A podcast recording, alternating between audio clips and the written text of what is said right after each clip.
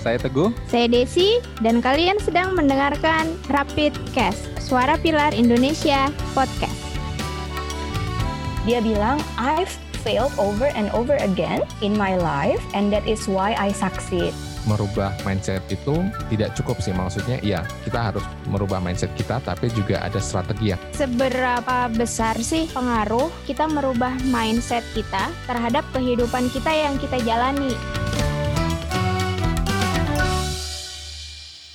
Halo, kembali lagi di Rapid Cast dan ini adalah bagian kedua dari episode yang kedua kita. Jadi episode yang kedua kita bagi menjadi dua bagian karena pembahasannya cukup panjang. Kita sudah mengawali pembahasannya tentang mindset dan juga secara lebih spesifik kita berbicara tentang growth mindset dari Ibu Carol Dweck dan kita bersama dengan pembicara Ibu Ika. Dan kali ini pun kita sama ya, ya Des ya. Ya. Kita bersama dengan Ibu Ika. Ibu Ika. Langsung aja kita sapa ya. Halo Hai Ibu Ika. Ibu Ika. Halo. Apa kabar Bu Ika? Halo Teguh dan Desi, aku baik. Kalian apa kabar? Baik, baik, baik banget. juga. Terima kasih Bu Ika. Sip. Em, gimana nih Bu Ika? Kemarin kita sudah mulai dengan pembahasan kemarin ya tentang growth mindset. Coba Bu Ika sapa dulu lah pendengar Rapid Cast nih yang udah nggak sabar nunggu bagian kedua karena kayaknya hari ini tuh diskusi atau pembahasannya tuh lebih Lebih ya, mendalam. lebih mendalam gitu kan.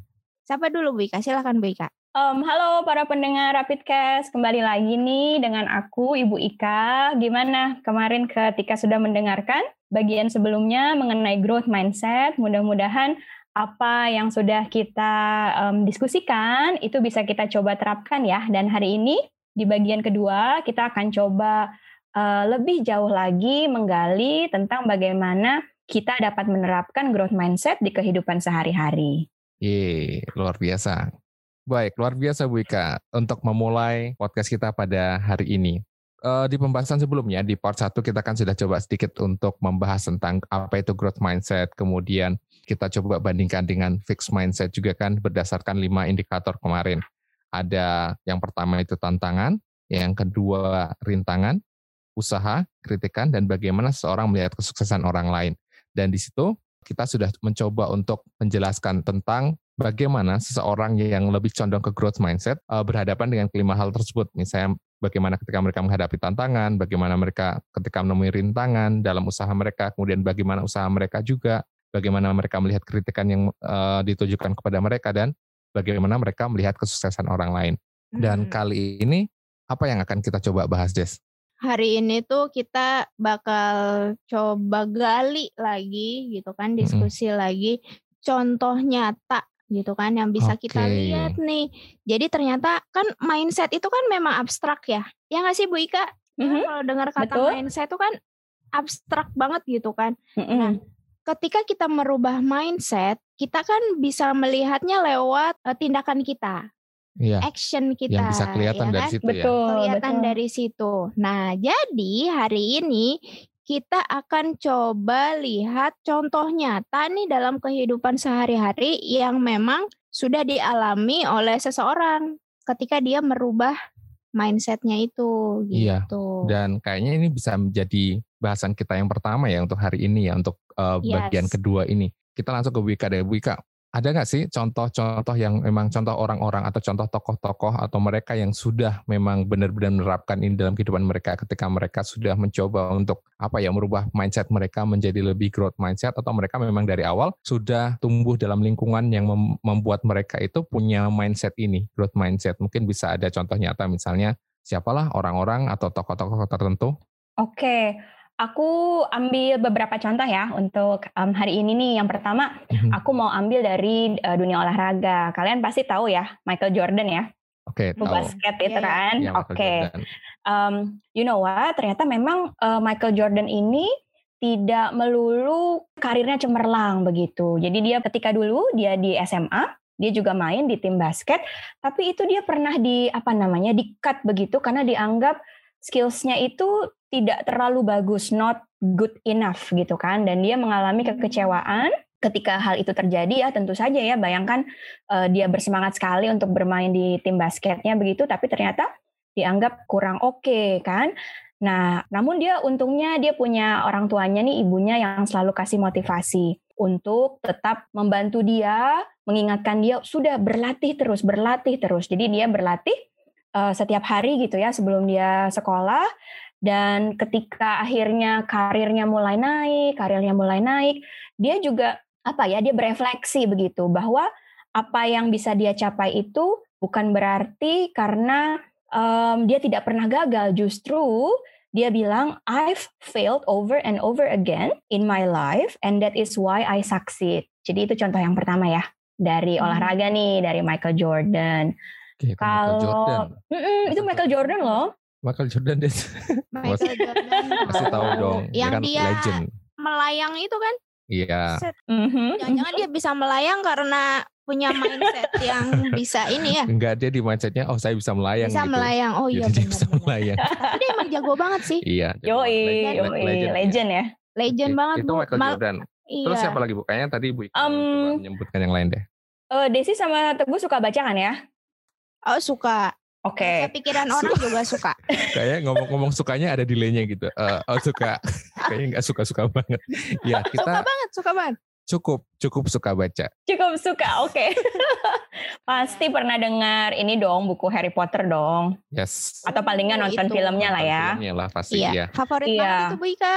Ah bagus nih, berarti kenal sama um, Ibu J.K. Rowling kan, pengarang dari Harry Potter ya. Ternyata sebelum Harry Potter itu booming gitu ya, dia juga pernah kok mengalami kekecewaan gitu ya, meng- mengalami ditolak oleh para penerbit eh, ketika dia di awal-awal mencoba nih untuk menerbitkan bukunya. Nah itu contoh yang kedua ya, bagaimana Ibu J.K. Rowling tidak menyerah, akan tetapi terus berusaha dan bisa dinikmati nih hasilnya. Ternyata Harry Potter amat sangat booming dan mendunia begitu. Kalau Hmm. contoh yang ketiga, ini aku nggak tahu nih, Teguh sama Desi pernah denger nggak ya? Jadi dia eh, host gitu ya, host talk show terkenal, namanya Oprah Winfrey. Pernah dengar? Pernah. Oh tahu iya, dong pernah. dia. Oh, tahu ya? Oke. tokoh gitu luar biasa dia. Oke, jadi em, Oprah Winfrey pun tidak tidak selalu sesukses itu gitu ya. Mungkin kita taunya kita nonton Oprah Winfrey Show, tapi kita nggak tahu kalau ternyata ada kegagalan-kegagalan juga yang pernah dia alami. Nah, dia pernah cerita bahwa sesudah em, Oprah Winfrey Show sangat sangat booming begitu, dia dia lanjut, dia nggak berhenti kan di di titik itu ya. Dia membuat ada yang namanya Oprah Winfrey Network.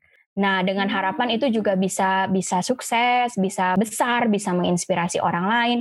Akan tetapi di satu titik nih, dia merasa dia tuh kayak stuck in a hole. Dia mendapatkan review buruk gitu ya dari eh, media, media-media di Amerika Serikat begitu.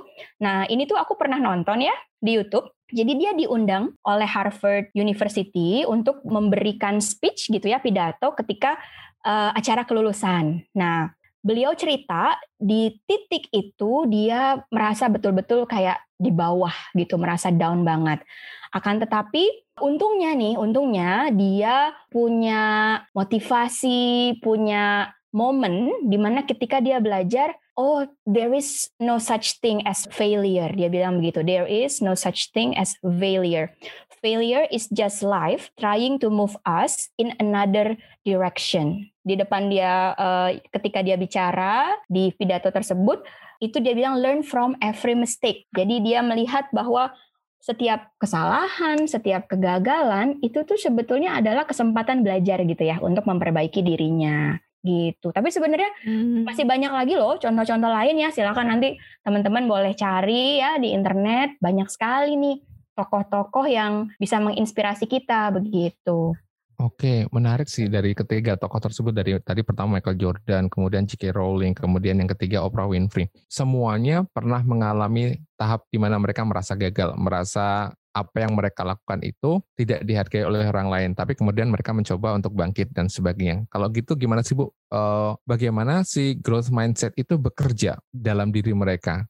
Oke, bagus banget nih pertanyaan nih. Jadi kalau Teguh sama Desi ingat ya di di bagian pertama kita sempat bahas bahwa fixed mindset, growth mindset itu sebetulnya kan spektrum ya.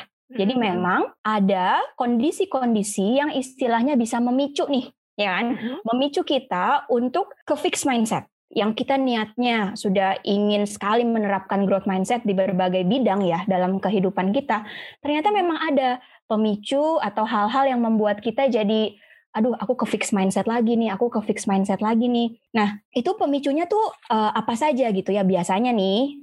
Satu, ketika kita under pressure, kita di bawah tekanan oh. gitu kan. Terus yang kedua, yaitu ketika kita mengalami kegagalan sama uh, ada kalanya mungkin kayak kita meragukan gitu ya kemampuan diri kita sendiri. Nah, ketika kita mencoba mengenali trigger atau pemicunya, itu kita melatih ya. Pertama mengenali dulu, um, oke, okay, aku sedang uh, dipicu nih oleh kegagalan aku, oleh tekanan, oleh keraguan-raguan. Nah, sekarang mm -hmm. aku mau apa? Jadi kita kayak train our brain gitu ya untuk oke okay, sekarang kita nggak bisa nih terus-terusan di fix mindset. Jadi harus mulai memikirkan yang namanya usaha dan strategi gitu Bu kalau secara ini ya secara hmm. singkatnya sederhananya tuh hmm, kira-kira seperti itu. Eh tapi bentar ada pertanyaan tiba-tiba lewat nih. Mm Tadi kan Bu Ika bilang tiga faktor indikator. Tiga faktor, oh, tiga pemicu tiga ya. Faktor, let's say ya. Mm-hmm. Tiga faktor yang bisa bikin kita tuh stay untuk di fix mindset gitu kan nggak nggak nggak pindah nih untuk mencoba bangkit dari satu kegagalan atau keluar dari tekanan gitu kan. Tapi apakah kita harus tahu gitu Bu titik kuatnya kita nih di mana? Sampai harus apa gitu. Akhirnya kita memutuskan oke okay, aku nyerah deh yang ini aku mau coba yang lain. Karena keinget dengan penjelasan Bu Ika di bagian pertama kita tuh kalau kita tuh punya kemampuan di satu bidang. di satu bidang gitu ya kita punya dominan di satu bidang gitu. Belum tentu kita di bidang yang A bagus, tapi bisa jadi kita di bidang yang B bagus. Nah, jadi boleh nggak sih kita punya satu titik nentu ini? Oke, aku udah sampai di titik menyerah. Nah, kalau gitu gimana tuh, Bu? Oke, waduh ini pertanyaannya bikin berpikir banget ya. Aduh, hebat nih Desi kepikiran ini nih. Oke, jadi kalau aku ya Des melihatnya tuh begini, kita manusia selalu punya yang namanya pilihan, ya hmm. ya kan? Life is about making choices gitu. Nah, uh, saat kita memilih itu kita punya apa namanya faktor-faktor yang biasanya mempengaruhi sih kita mau memilih A, memilih B, memilih C. Oke, okay? misalnya hmm. um, kalau kita bicara tentang keputusan untuk berhenti atau lanjut begitu, mungkin kita harus lihat lagi apakah pilihan kita satu dipengaruhi oleh kebutuhan untuk aktualisasi diri. Biasanya uh, juga dipengaruhi ya saat kita membuat keputusan itu oleh pengalaman di masa lalu, bisa juga nih. Yang ketiga, kita menimbang ini nih familiar atau unfamiliar situation nih. Jadi kayak kita ada prior knowledge-nya nggak sih tentang pilihan yang akan kita ambil. Nah, menurut aku ketika kita bilang titik di mana kita menyerah atau berhenti, kita lihat lagi konteksnya. Oke ya, jadi konteks menyerahnya ini di, di apa? Kalau kita bicara tentang tujuan, goal, tujuan yang mau kita capai, kita harus kembali lagi berefleksi. Satu, sebelum mengambil pilihan, apakah goal ini atau tujuan ini membuatku bertumbuh atau berkembang? Kalau jawabannya iya, kemudian kita gagal, berarti hmm. mungkin ada strategi yang harus kita ganti, yang harus kita ubah. Oh. Oke. Okay? Oke, okay, oke. Okay. Yang kedua, kalau misalnya jawabannya kita pikir kok kayaknya goal atau tujuan ini tuh tidak membantu aku bertumbuh atau berkembang, itu gimana ya? Mungkin nih, mungkin kamu ada berada di situasi di mana mengejar sesuatu tapi kok kayaknya kita nggak bahagia sih dalam prosesnya gitu ya.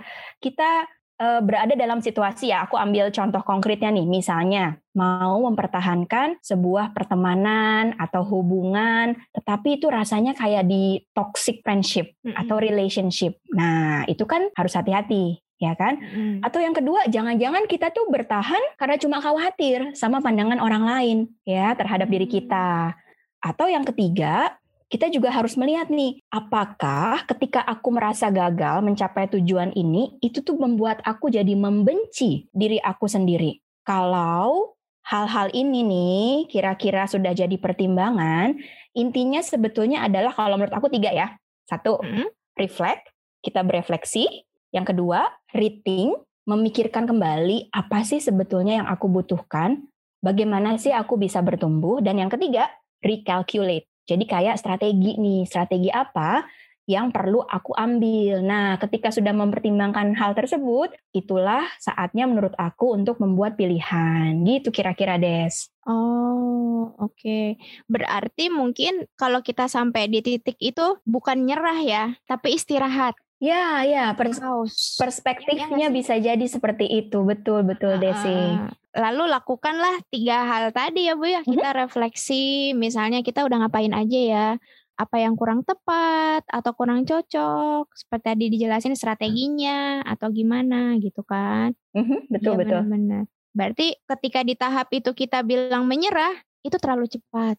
Nggak nggak menyerah juga kali ya. Itu bahasanya mungkin ya. Lebih tepatnya adalah bahwa kita um, ya tadi kita bisa berefleksi maksudnya oke okay, walaupun kita sudah berusaha kita sudah itu tapi ternyata perkembangannya tidak sesuai yang kita harapkan jadi dengan tiga hal tadi yang Ibu Ika sampaikan ada reflect, kemudian ada rethink, rethink and then satu lagi itu bisa juga menjadi patokan buat kita semua. Maksudnya tadi Desi kan juga bertanya, tidak mm -hmm. semua orang dianugerahi talenta yang sama di setiap bidang. Maksudnya kalau saya sendiri saya saya tidak kuat misalnya di bidang musik. Saya nggak bisa terlalu bisa bermain musik. Saya bisa main beberapa alat musik tapi nggak nggak jago-jago banget lah istilahnya seperti itu. Sehebat apa pun usaha saya mungkin karena saya belum mencoba sama se sehebat itu mungkin ya. Jadi saya belum bisa melihat bahwa saya oh, bisa sampai tahap mana di situ. Cuma saya melihatnya sebagai sebuah tahap di mana oke okay lah ini saya pakai untuk hobi, untuk hiburan dan sebagainya. Tapi ada hal-hal tertentu yang ketika kita berpikir oh saya kuatnya di sini itu yang bisa kita kembangkan. Ketika kita yeah. bisa berefleksi, kita bisa akhirnya berpikir kembali dan akhirnya menghitung kembali apa yang harus kita lakukan. Jadi kalau uh, dibilang tahap menyerah kayaknya menyerah itu nggak enak banget ya katanya kata menyerah itu ya mungkin tahap maksimal kita ada di situ dan mungkin kalau kita usahakan sih mungkin bisa lebih lagi, tapi hasilnya mungkin juga tidak seoptimal ketika kita mengusahakan di bidang yang lain, gitu kan seperti iya. itu. Luar biasa sih mindset ini benar-benar apa ya mempengaruhi seluruh kira apa yang mempengaruhi seluruh aspek hidup kita. Nah, mm-hmm. jatuhnya seperti itu. Misalnya usaha, kemudian oh, banyak hal lah. Ketika ngomongin soal growth mindset, kita pernah dengar soal namanya willpower ya Bu Ika ya kemampuan mm-hmm. untuk mengendalikan diri sendiri atau keinginan kuat untuk melakukan sesuatu. Nah, bagaimana sih kita bisa mengembangkan pengendalian diri kita gitu? Oke, jadi kalau menurut aku mengenai pengendalian diri gitu ya, itu lagi-lagi kita perlu berlatih nih. Jadi memang kita perlu memberi diri kita kesempatan untuk mengambil kendali. Jadi kita mencoba menjadi proaktif. Nah, ketika kita punya willpower, kita bisa berkata, oke, okay, iya, ini hal-hal yang bisa aku kendalikan. Nah, kita berlatih dari situ, dari setiap stimulus yang datang, dari hal-hal yang terjadi di sekitar kita, dan bagaimana kita mau meresponinya, itu merupakan sesuatu yang harus dilatih sih Gu. Jadi memang agak jarang gitu ya orang yang senantiasa berhasil terus gitu ya untuk untuk mengambil kendali dari hal-hal tersebut dari hal-hal yang bisa dia kendalikan, meresponinya dengan baik. Nah, itu butuh waktu. Akan tetapi ketika sudah ada keinginan yang kuat ya, kemudian kita hmm. mau oke, okay, aku mau belajar untuk sering kali berada di spektrum yang growth mindset dan dia membuat strategi, jangan lupa ya. Jadi growth mindset itu tidak hanya tentang berusaha tapi juga membuat strategi dan bahkan meminta tolong ya dari orang-orang di sekitar kita, itu kita manfaatkan. Nah, kalau sudah ada itu, mudah-mudahan jadi lebih apa ya frekuensinya jadi lebih sering nih kita ada di spektrum growth mindset begitu. Oke, okay, I see. Jadi memang merubah mindset itu tidak cukup sih. Maksudnya, ya kita harus merubah mindset kita, tapi juga ada strategi yang harus dilakukan ya Bu. Ya nggak nggak cukup Betul. sampai pada kita punya mindset ini, kita sudah mengembangkan growth mindset, tapi abis itu ngapain? Yang jelas setelah itu kita harus ada strategi bagaimana kita bisa mencapai sesuatu, bisa mengusahakan sesuatu dan sebagainya. Hmm. Oke deh, kita udah bahas dari tokoh-tokoh ya tadi ada Michael Jordan, ada Oprah Winfrey, ada J.K. Rowling, mereka orang-orang yang ada di spektrum itu pasti ada di spektrum growth mindset dan itu bisa jadi contoh yang baik. Di sekitar kita banyak ya sebenarnya. Mm-hmm. Jadi nanti pendengar Rapid Cast nih, silahkan uh, sharing, silahkan berbagi di IG kita di @rapid.cast ketika kalian menemukan atau melihat atau mungkin punya pengalaman tentang sudahkah kalian mencoba untuk mempunyai growth mindset. Silahkan nanti boleh berbagi di IG kita di @rapid.cast jika ada pengalaman tentang mempraktikkan growth mindset seperti ini atau ada orang-orang di sekitar kalian yang memang mempraktikkan atau menunjukkan growth mindset dalam kehidupan mereka, silahkan komen uh, atau DM kita juga nggak apa-apa. Adminnya nanti aktif kok uh, gercep ya untuk yeah. apa namanya untuk membalasnya juga.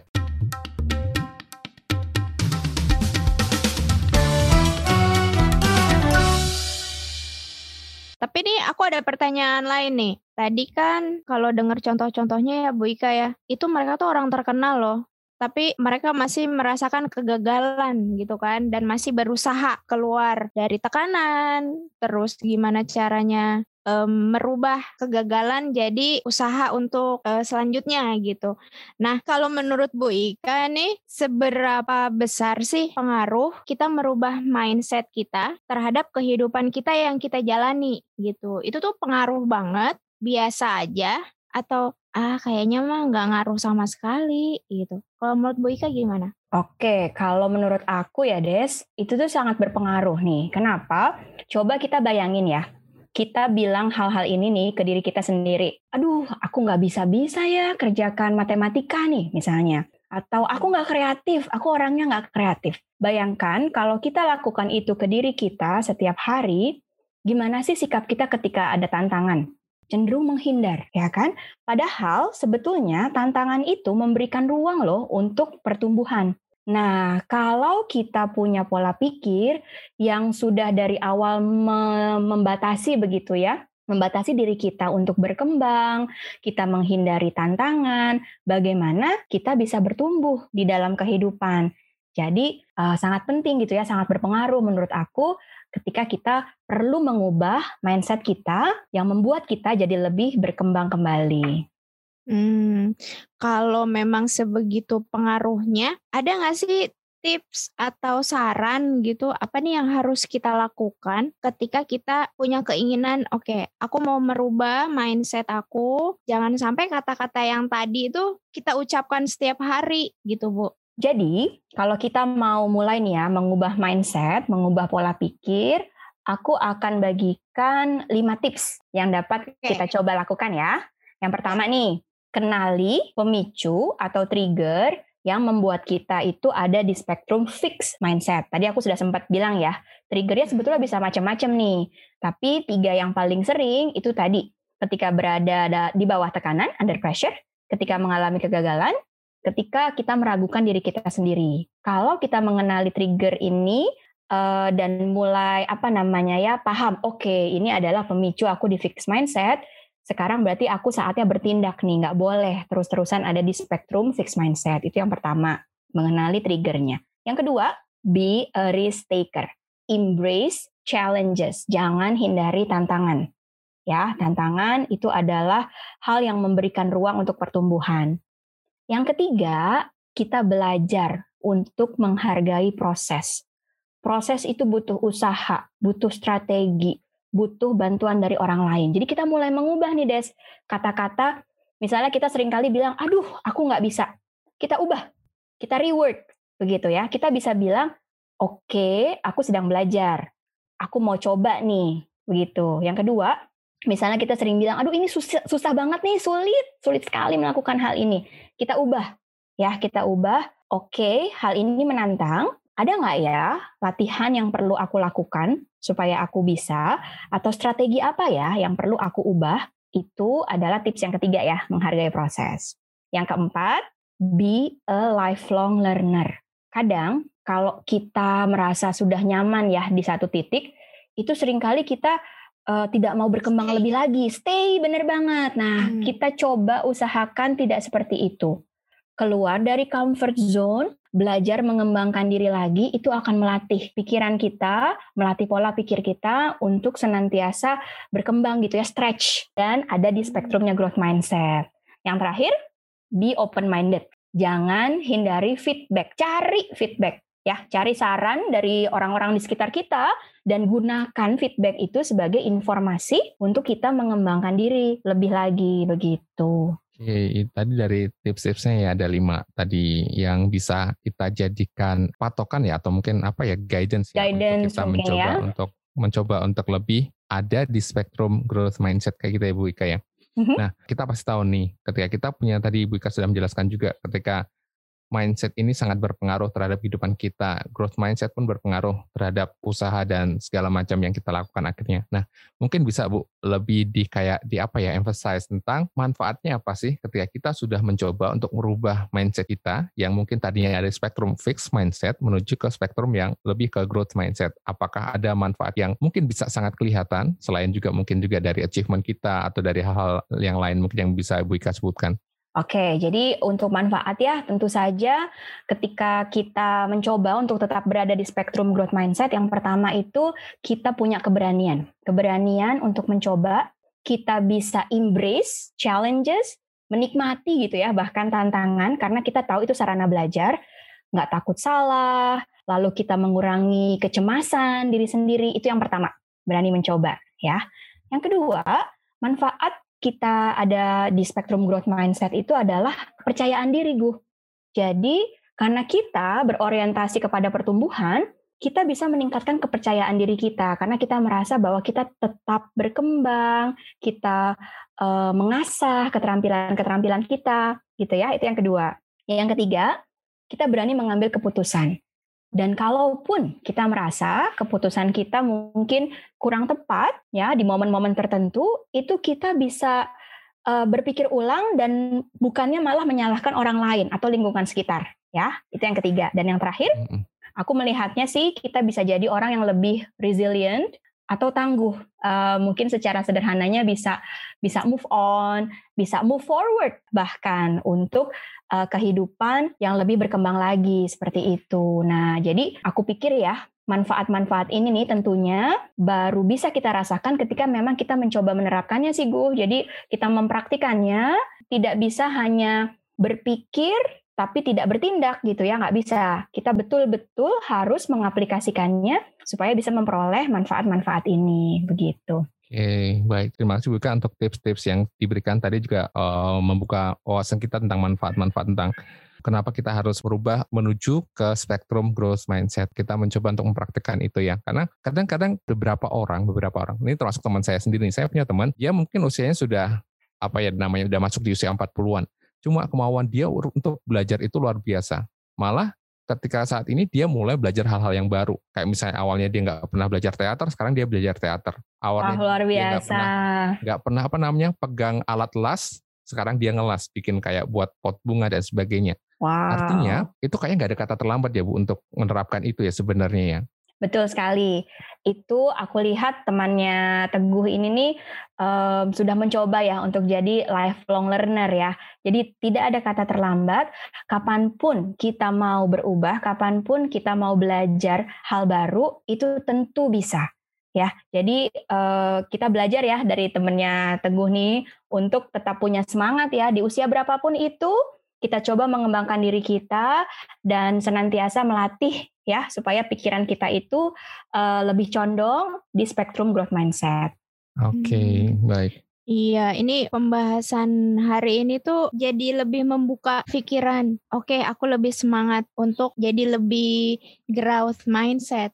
Hmm, gitu. Lebih ke arah growth mindset iya, ya. Iya, lebih ke arah sana gitu. Jadi biar bisa move on gitu. Jadi buat para pendengar yang belum pada move on terhadap apa pun, mungkin Anda belum berada di spektrum growth mindset gitu ya. Bisa dilakukan tadi tips-tipsnya. Iya, pastinya bisa. Bisa, tips bisa tadi. Dilakukan. Nanti kita akan coba ulang lagi ya tips-tipsnya apa saja. Ya, jadi setelah kita mendengarkan pembahasan yang sebelumnya di bagian pertama dan hari ini, sudahkah kalian siap untuk merubah pola pikir kalian? Gitu. Ya kan kalau saya sih siap siap sekali karena tadi manfaatnya ternyata banyak banget ya. Banyak banget manfaatnya. Berani mencoba gitu kan. Terus kepercayaan diri nih bisa bisa meningkat. Betul. Gitu kan. Meningkatkan kepercayaan diri, berani iya. mengambil keputusan, bisa jadi orang yang lebih resilient, lebih tangguh. Nah, itu poin terakhir. Mm -mm. Aku akan merubah pola pikir aku agar menjadi lebih tangguh dan bisa move on. Iya. Gitu. Apalagi ya. sekarang ya kita dihadapkan pada situasi yang saat ini kita harus bisa jadi orang yang resilient, kita bisa dia, harus jadi orang yang tangguh loh. Kita nggak tahu pandemi ini akan berakhirnya kapan. Ya, Cuma kita nggak bisa dong kita nyerah dengan situasi seperti ini. Kita harus bisa jadi orang yang kuat. Kita harus bisa tadi dengan growth mindset kita bisa tentu saja mengembangkan diri kita. Apa yang bisa kita lakukan saat sekarang ini? Nggak mungkin dong rebahan aja. Oke waktu itu oke dia rebahan karena harus lockdown di rumah. Sekarang nggak lagi. Kita harus bangun kalau sekarang ya. Iya, jangan rebahan aja mm-hmm. gitu ya. Oke, nih untuk Bu Ika nih ada pesan-pesan nggak untuk para pendengar nih yang masih gamang, wih, masih, galau. masih bingung, galau gitu kan? Atau e, aku harus keluar nggak ya? Atau aku masih belum tahu nih aku mau ngapain? Nah gitu. Ada pesan nggak Bu Ika? Jadi untuk para pendengar Rapidcast yang sudah punya niat untuk mengubah mindset, mengubah pola pikir, lebih ke arah growth mindset, yang pertama, ambillah langkah-langkah sederhana, baby steps. Ya. Yang kedua, hargai proses. Oke, okay? proses itu butuh usaha, butuh strategi, dan juga butuh bantuan dari orang lain. ya. Dan yang ketiga, tidak pernah ada kata terlambat. Jadi kita mulai dari sekarang, kita mencoba mengembangkan diri, kita bertumbuh lebih lagi, dan mudah-mudahan dengan hasil diskusi kita ya dari dua bagian podcast ini bisa bermanfaat, bisa kita terapkan di dalam kehidupan kita sehari-hari. Terima kasih ya Teguh dan Desi yang sudah mengundang Amin. aku nih. Terima kasih juga Iya, Bu Ika. terima kasih juga Bu Ika. Luar biasa ya, kita udah berdiskusi topik yang sangat luar biasa bagus sekali. Kita ngomongin soal growth mindset, walaupun itu memang bukan teori kita sendiri kan pastinya itu dari kita membaca buku kita belajar dari Ibu Carol Dweck juga ya Bu Ika ya. Ya nah, betul. Oke, terima kasih Bu Ika, terima kasih pendengar semuanya yang telah mendengarkan episode kita. Pada episode yang kedua ini kita berbicara tentang mindset dan lebih spesifik lagi kita ngomongin kita berbicara tentang growth mindset dari bukunya Ibu Carol Dweck. Growth mindset sesuatu yang perlu kita kembangkan karena di situ kita belajar dan kita punya apa namanya kita punya kepercayaan bahwa kemampuan kita itu bisa kita kembangkan. Intelektual kita, apa pun yang kita punya itu bisa berkembang. Uh, mindset itu yang harus kita harus ada dalam diri kita. Kita bisa berkembang. Dan tadi Ibu Ika sudah menyampaikan juga ada beberapa tips untuk membuat mindset kita lebih condong ke spektrum growth mindset. Karena ini bukan suatu yang bisa dilawankan ya, fixed mindset sama growth mindset itu bukan suatu yang istilahnya antonim, tapi lebih yeah. pada kayak apa ya kontinum atau kayak tahapan bahwa yang ini seseorang tuh lebih condong ke mana gitu ya, lebih condong ke growth mindset atau lebih condong ke fixed mindset. Dan ada lima tips yang Ibu Ika tadi sudah coba sampaikan. Yang pertama, kenali pemicu yang membuat kita ada di spektrum fixed mindset. Jadi kita coba nih hal-hal apa saja yang membuat kita kok kita cuma ada di situ saja dan bagaimana kita bisa merubahnya. Yang kedua, be a risk taker. Embrace the challenges kalau kata Bu Ika tadi. Kita mencoba untuk mengambil resiko dan juga untuk menikmati tantangan-tantangan yang ada di sekitar kita atau tantangan yang yang datang pada diri kita. Yang ketiga, belajar untuk menghargai proses karena itu menjadi bahan pelajaran juga buat kita kan iya. pastinya ya nggak cuma kita melihat dari produknya saja atau hasilnya saja, tapi kita belajar untuk menghargai proses. Dari contoh-contoh misalnya Michael Jordan, Oprah Winfrey, J.K. Rowling, mm -hmm. yang kita lihat keberhasilan mereka saja, itu salah kita melihat dari prosesnya, prosesnya. juga. Ternyata mereka berawal dari kegagalan-kegagalan. Tapi mereka punya mindset yang luar biasa, mereka mau berkembang, dan akhirnya mereka bisa berkembang juga. Yang keempat, tipsnya adalah be a lifelong learner. Belajar itu harus terus kita lakukan sampai kapan pun, sampai bahkan kita mungkin nanti nggak ada, sampai kita iya. meninggal, kita belajar. Kita akan terus belajar. Dan tadi saya sudah menyebutkan salah satu contoh ya teman saya yang di usia 40-an yang artinya bahwa dia oh, di usia gitu harusnya ya ya sudahlah dia sudah uh, settle, gitu sudah ya? settle dengan uh -uh. apa yang dia punya, apa yang dia lakukan sekarang. Tapi dia mau mencoba hal yang baru dan itu luar biasa. Terakhir adalah be open minded, apalagi terhadap kritik, terhadap feedback orang lain terhadap diri kita. Kita coba untuk open minded kita, jangan sampai melihat kritik itu atau masukan dari orang lain sebagai hal yang membuat kita jatuh atau membuat kita down tapi itu kita pandang sebagai sesuatu hal yang mungkin menjadi pemicu tadi, memicu kita untuk berbuat lebih, menantang diri kita, berbuat lebih, melakukan hal lebih dan sebagainya. Itu tips-tipsnya. Kalau manfaatnya, mungkin Desi bisa nyebutin nih manfaat ya. dari mengembangkan diri untuk ke growth mindset ini. Ya, ini manfaatnya bisa kita lebih berani untuk mencoba sesuatu. Mm -hmm ya kan? Kemudian kepercayaan diri kita bisa meningkat juga nih. Iya, meningkat Kalau kita sudah dirinya cenderung di spektrum growth mindset gitu. Kemudian dengan kepercayaan diri kita meningkat, pasti kita lebih berani untuk mengambil keputusan, yeah. begitu kan? Nah, akhirnya keputusan apa pun yang kita ambil, komentar apa pun yang kita dapat dari orang, orang lain atau sekitar, orang kita, sekitar, ha, kita akan lebih tangguh betul sekali. untuk menerima itu gitu. Bisa itu jadi orang yang lebih tangguh ya. bisa menjadi orang yang lebih tangguh betul. Itu tadi tips dan manfaat-manfaat dari kita belajar tentang growth mindset dan kita mencoba untuk mengembangkan ini. Seperti yang saya bilang kemarin, ya walaupun terlambat saya ngertinya ini, walaupun terlambat saya mendapatkan pengetahuan tentang ini, tapi tadi kita sudah diingatkan, tidak ada kata terlambat untuk belajar, Iya. tidak ada kata terlambat untuk berubah eh, apa yang kurang dari dari kita untuk kita kembangkan lagi. Dan oke, semua yang mendengarkan podcast kita kali ini di episode yang kedua tentang mindset, lebih tepatnya lebih spesifiknya growth mindset, silahkan kalian bisa ikut menanggapi topik kali ini, topik episode ini dengan menuliskan opini, ide atau pertanyaan di sekali lagi di Instagram kita at rapid.cast.